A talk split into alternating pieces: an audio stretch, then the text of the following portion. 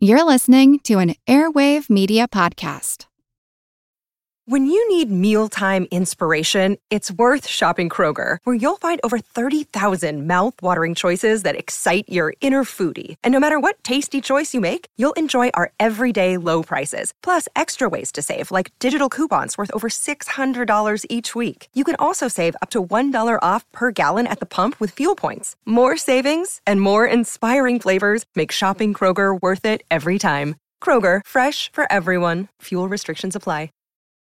For the ones who work hard to ensure their crew can always go the extra mile, and the ones who get in early so everyone can go home on time, there's Grainger, offering professional grade supplies backed by product experts so you can quickly and easily find what you need.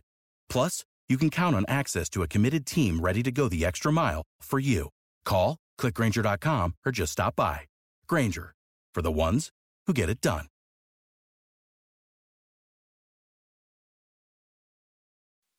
You're listening to an Airwave Media Podcast.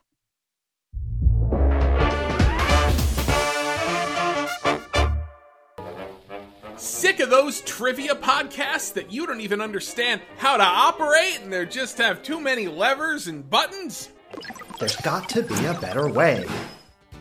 Now there is with Good Job Brain, an offbeat quiz show and trivia podcast that makes learning new things easy and fun. I just learned that artificial vanilla flavoring sometimes comes from the anal glands of a beaver, and now I can never shake that mental image. Thanks, Good Job Brain. Good Job Brain is available for the low price of just four easy payments of free. It's a podcast. Good Job Brain is part of Airwave Media and available on all podcast apps. Operators are standing by.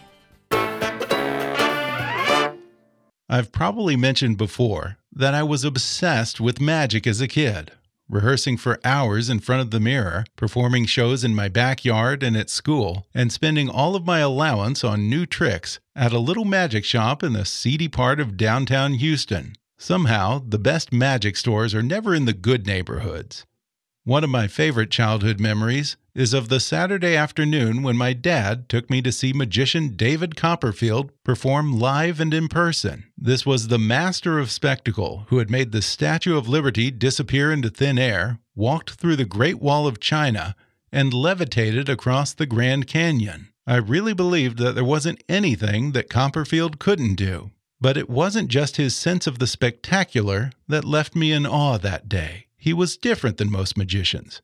He wasn't just performing magic tricks, he was using magic to tell a story and illuminate universal truths. Perhaps that's why his career has endured for five decades, earning him countless awards and making him the most successful magician of all time. His passion for magic extends well beyond the stage, though. For years, David Copperfield has quietly been amassing the largest collection of magic memorabilia and magic history in the world. Warehoused in a secret location on the outskirts of Las Vegas and available by invitation only to a privileged few magicians and magic historians. But now he's finally sharing some of his favorite pieces along with the stories behind them in his new book, David Copperfield's History of Magic. And today, my childhood hero joins me on the podcast to talk about his own beginnings as a kid magician, his original stage name, and what his first act was like. He reveals that his own heroes weren't magicians, but famous filmmakers and tap dancers, and he recalls getting to know and work with one of those heroes, the legendary Orson Welles. He discusses how he comes up with ideas for new illusions, everything that goes into building a working magic apparatus, and the hundred year evolution of his most famous magic trick, one that has been hailed by magicians as the greatest illusion of all time. David shares some of his favorite magic memorabilia in his collection, including some of Houdini's greatest escapes. We talk about some of the most famous names in the history of magic, including a con man who turned master mentalist, the tragic fate of the white man who billed himself as a famous Chinese conjurer, and the untold story of some of the women in magic. Plus, David recalls the magician who was his biggest influence and teases his next great illusion, Coming up with Master Magician David Copperfield in just a moment.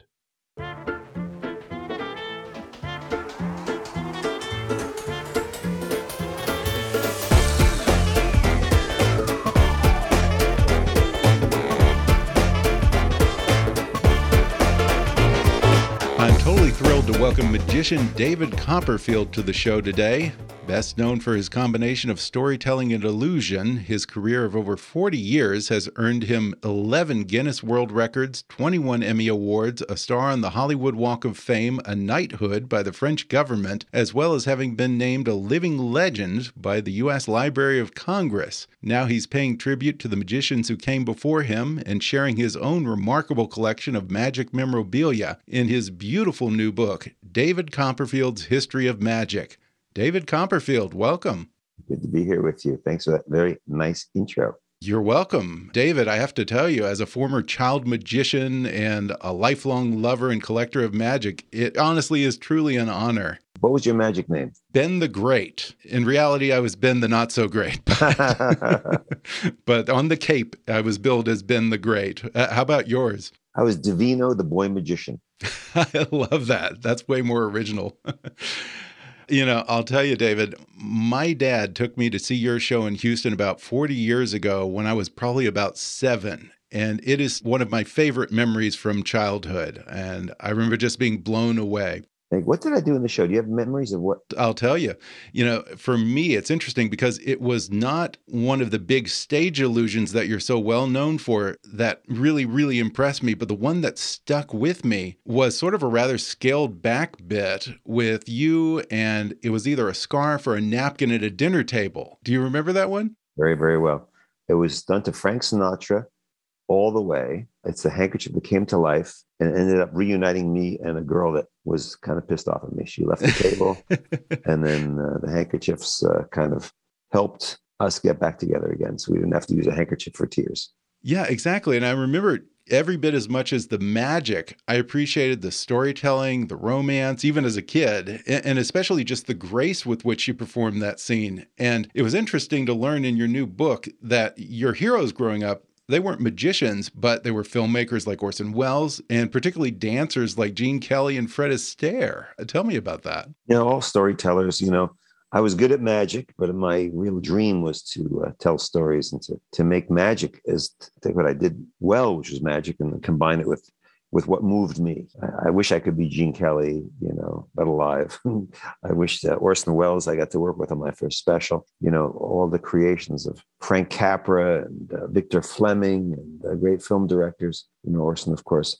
What they did with moving an audience, I wanted to do with magic. Magic was good at amazing people, making people go, wow. But I wanted to go much more than that. I wanted to really communicate ideas. And even back then, when, when you were a kid, I'm glad you remembered little moments that wasn't just the, the magic itself. It was something a little bit more relationships. And it exists in every other art form but magic, you know, relationships and stories about that. In music, we tell stories or we can be familiar with those things. And in art, obviously, art that really resonates with people, you know, it's because they find themselves in it.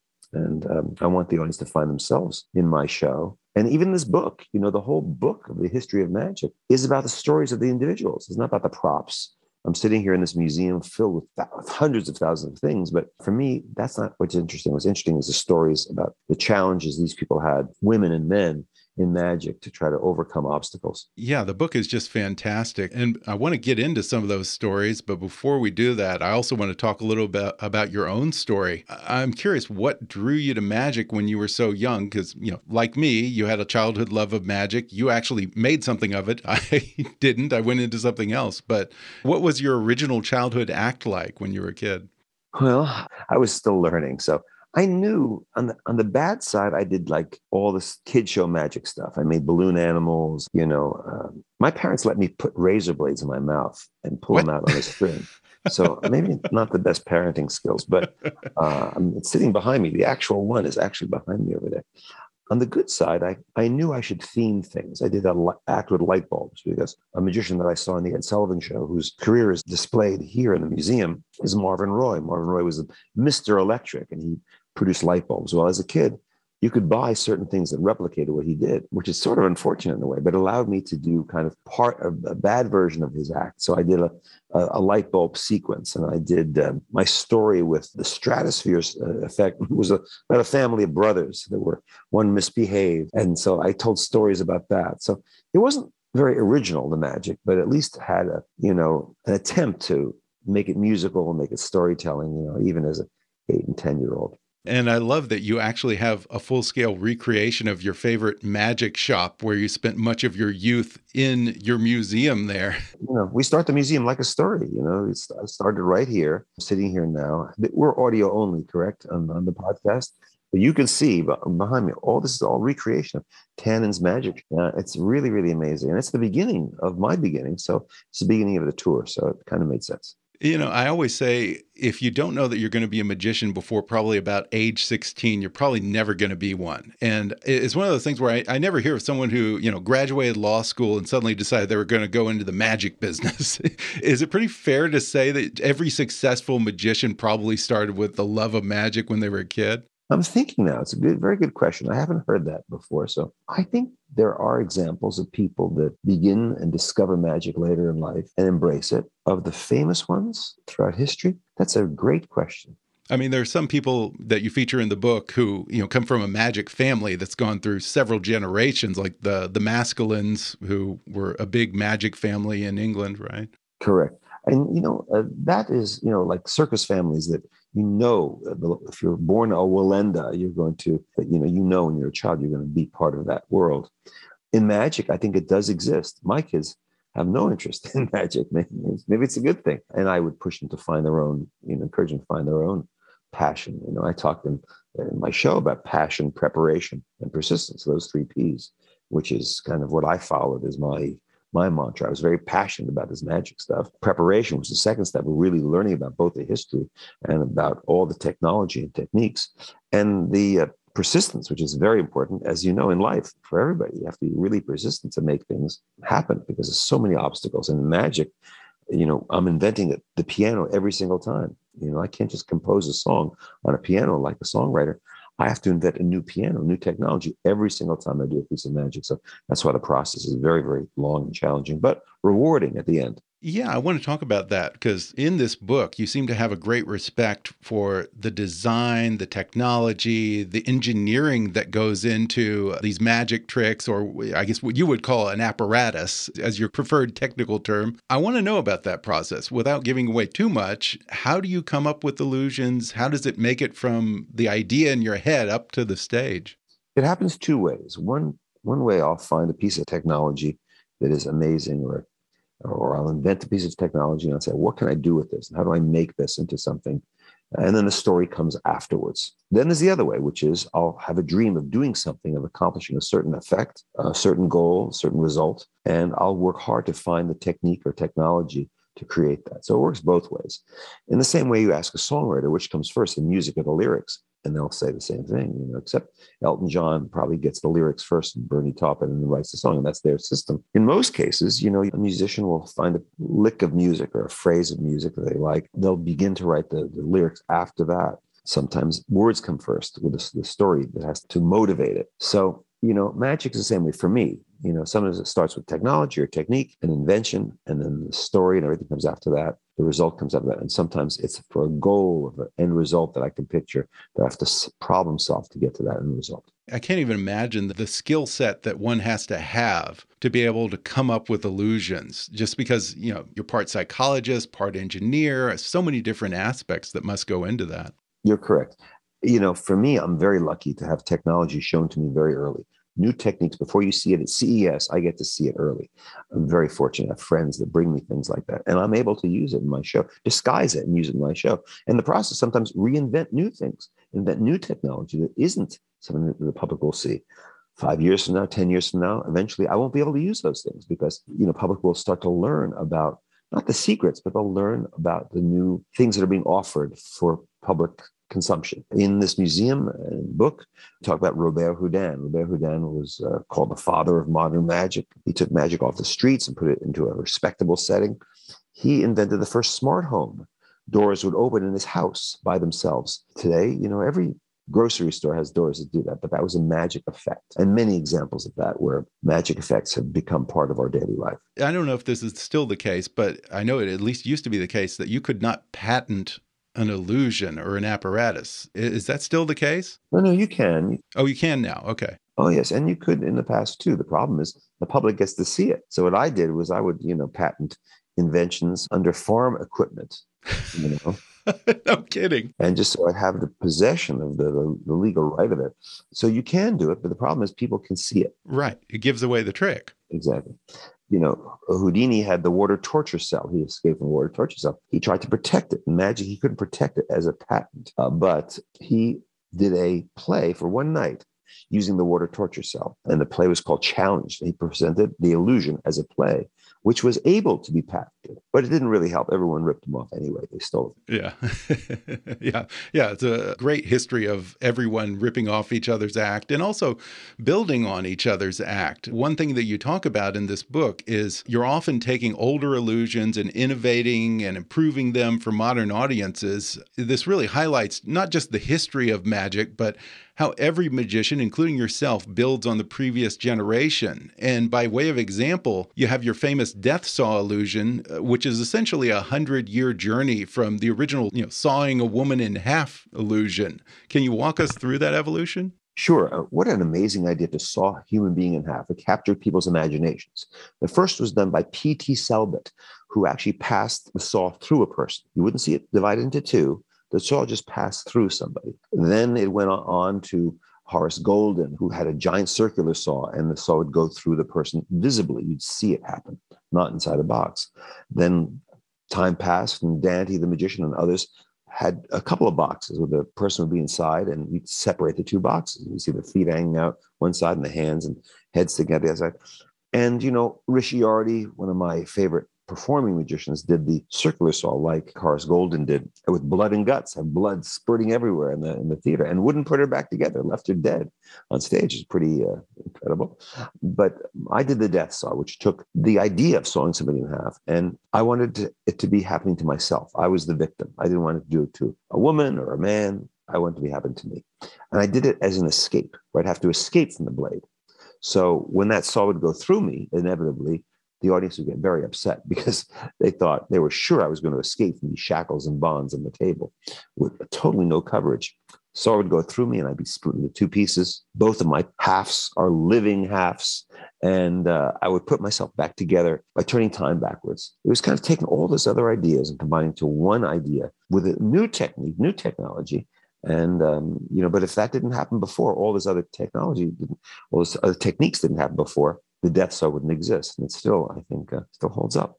Yeah, I love how many layers there are to that. It's interesting because it sort of seems like Joseph Campbell, the great writer, you know, he used to say that there are basically X number of myths out there that get retold and reworked over the years. Have you ever figured out exactly how many original magic tricks there are? Not original in the sense of being, you know, different, but kind of the origins of magic people say there's only X number of pieces of magic or this many jokes in comedy, you know. So, and I totally disagree with that. I really think uh, you can really break out, and the sky's really the limit. And uh, I've done it many times. You know, we thought magic just happened on the stage. I took people and traveled them to Hawaii from the stage. So teleportation became a reality in a setting. Uh, the Now You See Me movie started because a writer saw me do that and saw the potential, the magic could be credible as a transcontinental illusion. No, I think the possibilities are really endless, and you shouldn't limit yourself to these these kind of rules that exist. We're going to take a quick break, and then we'll be back with more when we return in just a minute.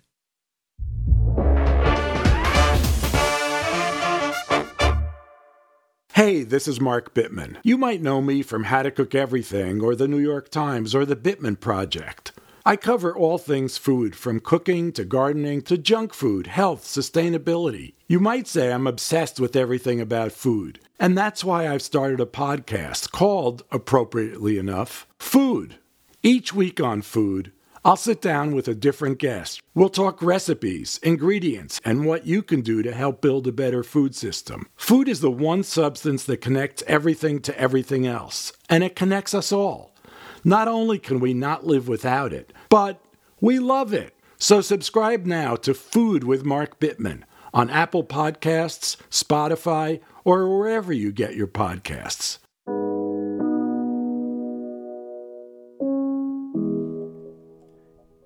I'm Brian Keating, host of the Into the Impossible podcast and the Chancellor's Distinguished Professor of Physics at UC San Diego, where I study the origin and evolution of the universe. I believe scientists are obligated to explain our work in simple terms to non experts, the people who fund our fascinating research. So I created the free university you can attend in your pajamas, taught by the world's brightest faculty. Best of all, you won't incur a dime of student loan debt and there's no homework to complete. Every week, I put out a deep dive interview with important thinkers and authors like Andy Weir, Steven Pinker, and Michio Kaku.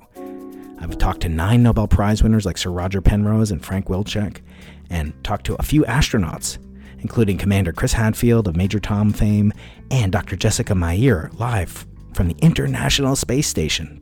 I'm on a mission to magnify curiosity, stoke imagination, and inspire minds of all ages. Join me, because the only way to discover the limits of the possible is to go beyond them, into the impossible.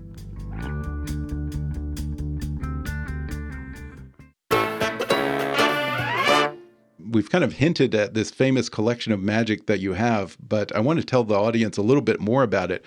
You have the largest collection of magic memorabilia, apparatus, books, props, costumes, which you house in a secret museum somewhere on the outskirts of Vegas. And I think I mentioned before this, for years I've dropped hints to every magician I know that I would love to see it. And so this book is just such a treat for me. You feature some of the best items, I should say, in this book. Tell us a little bit about the origins of this. How did this collection even begin? Years ago, I got a call from a friend of mine who said they're going to sell the Mulholland Library. Mulholland Library was John Mulholland's archive of magic history. He had half of Houdini's library it was given to him by Houdini. The other half went to the Library of Congress. He had books and you know props and all kinds of things. Amazing collection. And I didn't really look at history, honestly, in the beginning. I was always so immersed in inventing new things. I didn't really look backwards. I knew enough about technique uh, in magic, but I didn't really look at the stories of the, the people that came before me. Then, when I acquired these uh, this thing, I started to realize these women and men lived my life before me.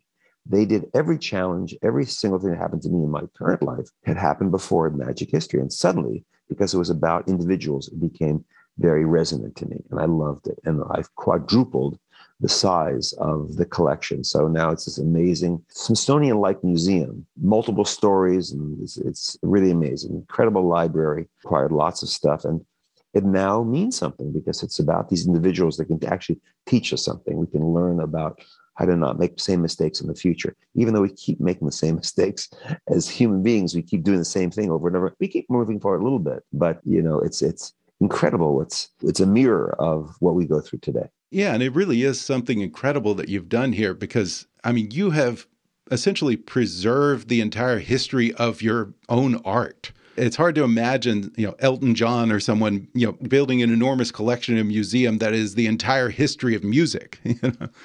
Yeah, and it's kind of like that. It is really like that. It's hundreds of thousands of, of things. It's photographs and letters, uh, correspondence between Houdini and Kellar back and forth, like text messaging, years and years of getting letter by letter by letter and putting like uh, a conversation, a nine year conversation between two famous guys. You know, one guy was Kellar, who was the model of The Wizard of Oz. When L. Frank Baum wrote The Wizard of Oz, he modeled it after Harry Kellar because he was the famous magician at the time one of the magicians that Houdini really, really loved was Kellar. And so I have all their correspondence, all their stuff. And it's really amazing to read that and to see the props that were touched by these people. And uh, what do you do, f- you know, from there? You know, I, my secrets are on the moon. Do you know about that?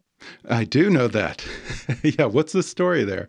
Well, there's an Arch Mission Foundation etches into nickel. Nickel doesn't degrade. A billion years from now, nickel will still remain a constant, doesn't lose its its form. And uh, we've kind of you've heard of microfiche. We've kind of done this is like nanofiche, really small. With a microscope, you can see this thing. And it was this package of knowledge, with some of it my illusions and my secrets, were blasted off and crash landed on the moon. It didn't land the way we wanted it to land, but it did land. And it's an amazing feeling to go outside and look at the moon and say, wow, my stuff is there. You know, if somebody takes time to find it, you could actually see my secrets on the, on the moon. Yeah, yeah. You better hope that none of your competitors, you know, get Jeff Bezos to take them to the moon or something. they got to look. They got to bring a metal detector because we're not exactly sure where it is. Okay, perfect then. Well, I want to talk about some of the people that you feature in this book. And, and it's so fun because you use the props and the apparatus to tell the story of all these famous magicians. And, and so many of them are just fascinating. I, you know, I don't think there's any magician who would argue with me if I said that anyone who goes into this business has at least a little bit of larceny in them. And one of my favorite things about the history of magic is just the sordid stories of so many magicians. Perfect example Alexander the Man Who Knows. This guy was always working an angle, wasn't he? He was he was basically a con man. He was a con man, you know, very interesting guy. He had the turban, famous classic poster, you know, as much as any magician in history. You know, he did very well financially. He, taxes were new, new taxes came up, and he just paid in cash, millions of dollars sitting on the table like that. So he was a interesting character. We heard he killed somebody. I heard that too. You didn't, it wasn't mentioned in the book, but I've heard that rumor. What's the story there? A friend of mine went to see his son, who was in his 90s, and said, didn't know how to bring it up. Says, Did your dad, Alexander, the man who knows, is it true that he k- killed somebody? And the son said, Somebody? How many people do you want? There's more than one, apparently, according to this. Yeah, an incredible story. And yeah, I think at one point you mentioned that he blackmailed someone or threatened to kill someone who was trying to, I don't know what that would be, ransom or uh, trying to extort money from them.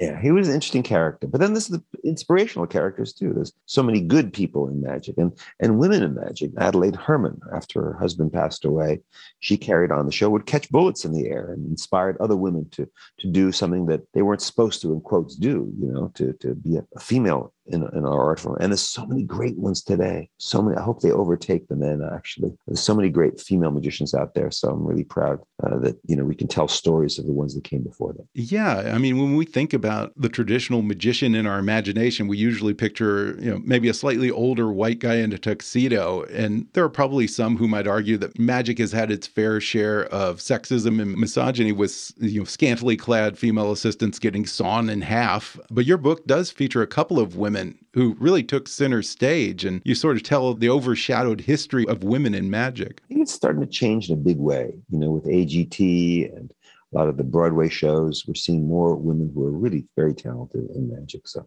I, I think it's uh, we're at a good time now because the quality is very good and very original ideas and approaches to, to this art form.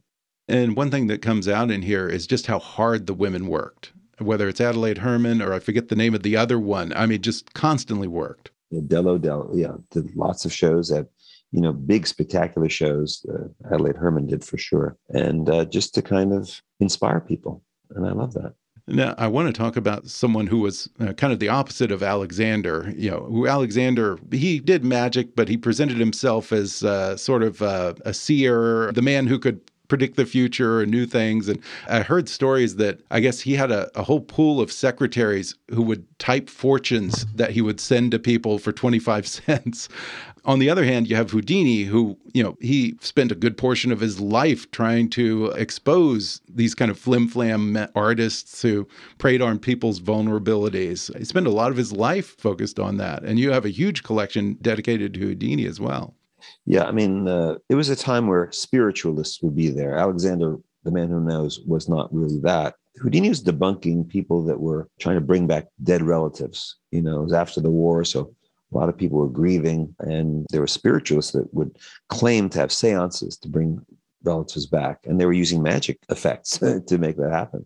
And Houdini was uh, exposing them because it was a real problem at the time. And you have some of his most famous props, like the milk can escape and the water torture cell. What was Houdini for you, and why does he still loom so large in magic? I think people can relate to this idea. Houdini's idea was not so much of a magician. He was an okay magician, but the idea of escaping from things was something that people could really relate to people could associate escaping from you know a jail or associate not that everybody dreamed about going to jail but the idea having the ability to to uh, thwart uh, authorities and do that that's a very relatable idea and that's why his his, uh, his name maintains as a as a vital you know force and, in, in magic but it's mostly as an escape artist i think he also took magic outside of the theater. And I have to say, I can certainly see a certain lineage from Houdini's big public stunts, like being thrown off of a bridge in a locked trunk or hanging upside down off a building, to the kind of large scale illusions that you've done in so many of your TV specials. Is that a big influence? Yeah, I was the first to take big illusion outside, you know, the airplane, Statue of Liberty, all those things, Great Wall of China. So I was the first to do that. But his thing was to take escapes in a natural form, you know, to do it not in the theater, to do, you can't in a theater jump into a lake, right? So you had to do it outside, you know, to hang with a straitjacket above a crowd of people that were there. You know, we did the Fires of Passion. You can look that up on the YouTube machine and see what we did with burning ropes and kind of take that to another level. But Houdini certainly started that whole escape idea and really captured people's imagination. Another one that I have to talk about, and I don't know if he really fits into the Alexander category, but magic has certainly had its history of cultural appropriation. You have many acts and illusions that sort of played on Western fascination with exotic places like India and China, the Middle East. But there is this one magician who I've always had a fascination with who really took it to extremes in a way that would probably not be so okay.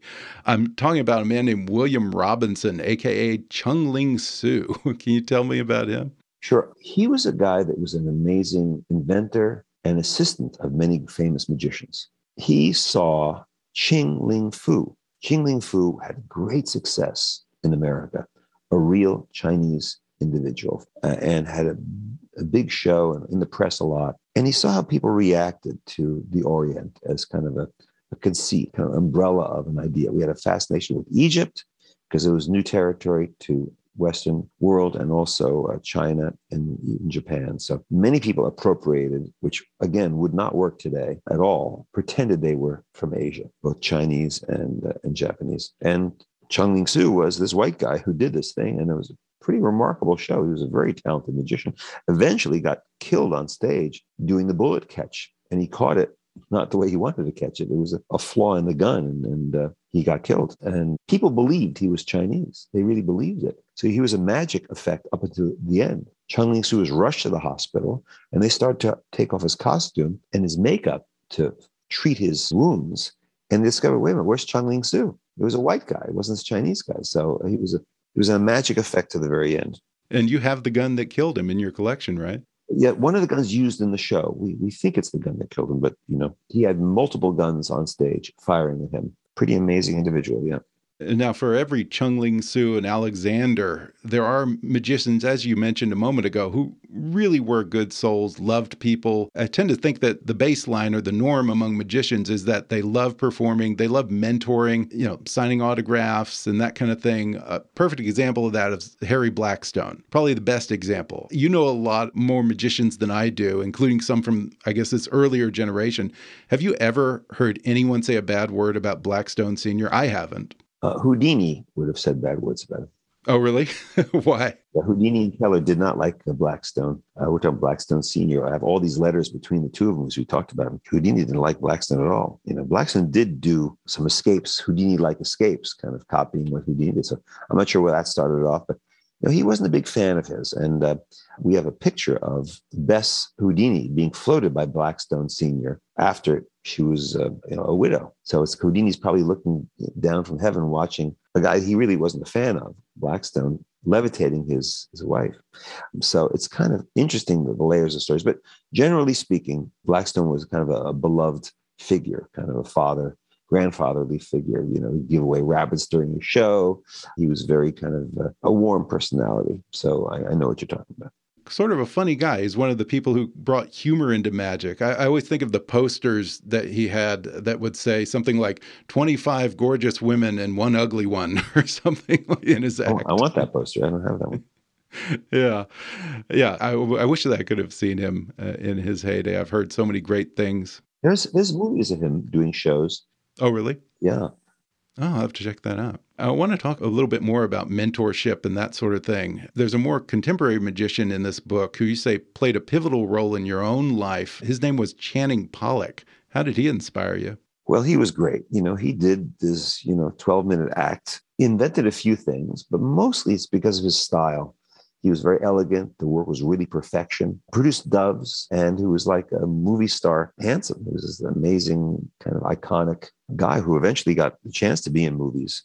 You know that he didn't enjoy after a while, so he quit. But you know, Channing was a great guy. I got to know him later in life in his 80s. And um, he inspired me as a kid because there was an excellence to his work. Worth looking him up on uh, on YouTube, yeah, Channing Pollock. Yeah, yeah, I will. And, and I think one of the things that you talked about is how he stripped down the magic act. How it wasn't so clunky because you know a, a, lot of magic tricks. You know they'll have false bottoms that seem obvious. You know a table is too thick, suspiciously so, or things like that. And he got rid of all the distraction, kind of the things that you look at and you say, okay, something must be happening there behind the scenes. You know, he was doing you know pure sleight of hand with doves and cards and just very, very elegantly presented. And he was also just a good guy.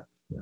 And when you think of Harry Blackstone, him, Dai Vernon, you know, there are so many magicians who really encouraged and mentored successive generations.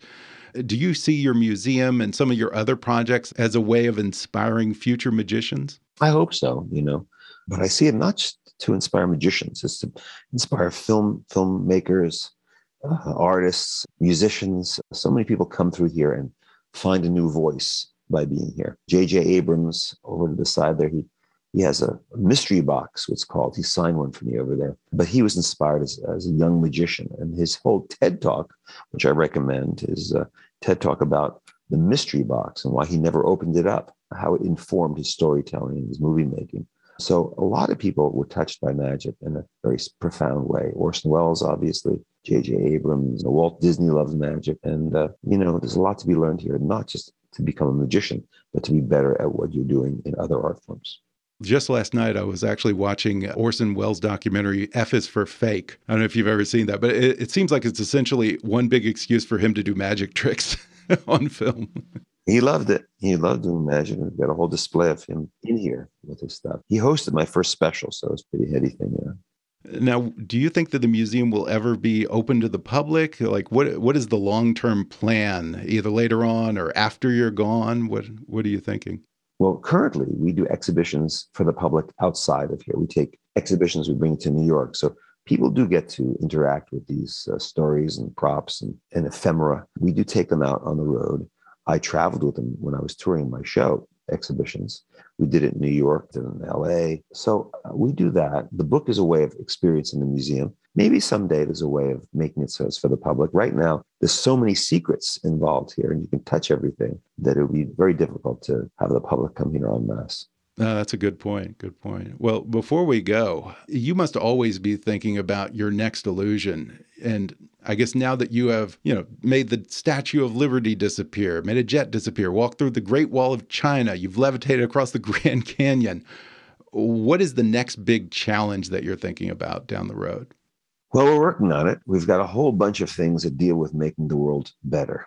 You know, if I can inspire people to really, from a different point, to improve how we live and improve, you know, the world, stand by. That's what I'm working on. Okay, can't wait to see that. Well, again, the book is called David Copperfield's The History of Magic. It has tons of beautiful photographs. It's a great gift. Anyone would really enjoy this, whether you're a magic fan or not. David Copperfield, it's been such an honor. Thanks so much for talking with me. My pleasure. Thanks again to David Copperfield for coming on the podcast. I cannot even say how much fun this was for me, and I really hope that you enjoyed it too. Order David Copperfield's History of Magic on Amazon, Audible, or wherever books are sold.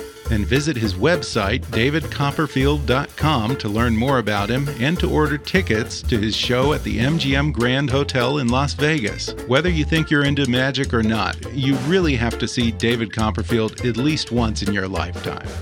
If you enjoyed today's episode, then subscribe and give us a five star rating on Apple Podcasts. Detailed reviews are the best way for new listeners to discover the show.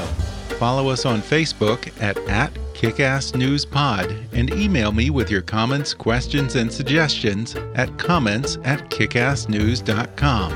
Kickass News is a part of the Airwave Media Podcast Network visit airwavemedia.com and check out some of our other shows like Food with Mark Bittman, Movie Therapy, Investing for Beginners, My History Can Beat Up Your Politics, and many others.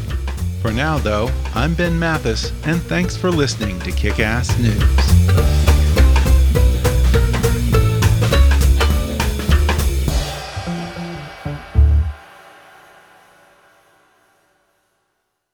Airwave Media Podcast.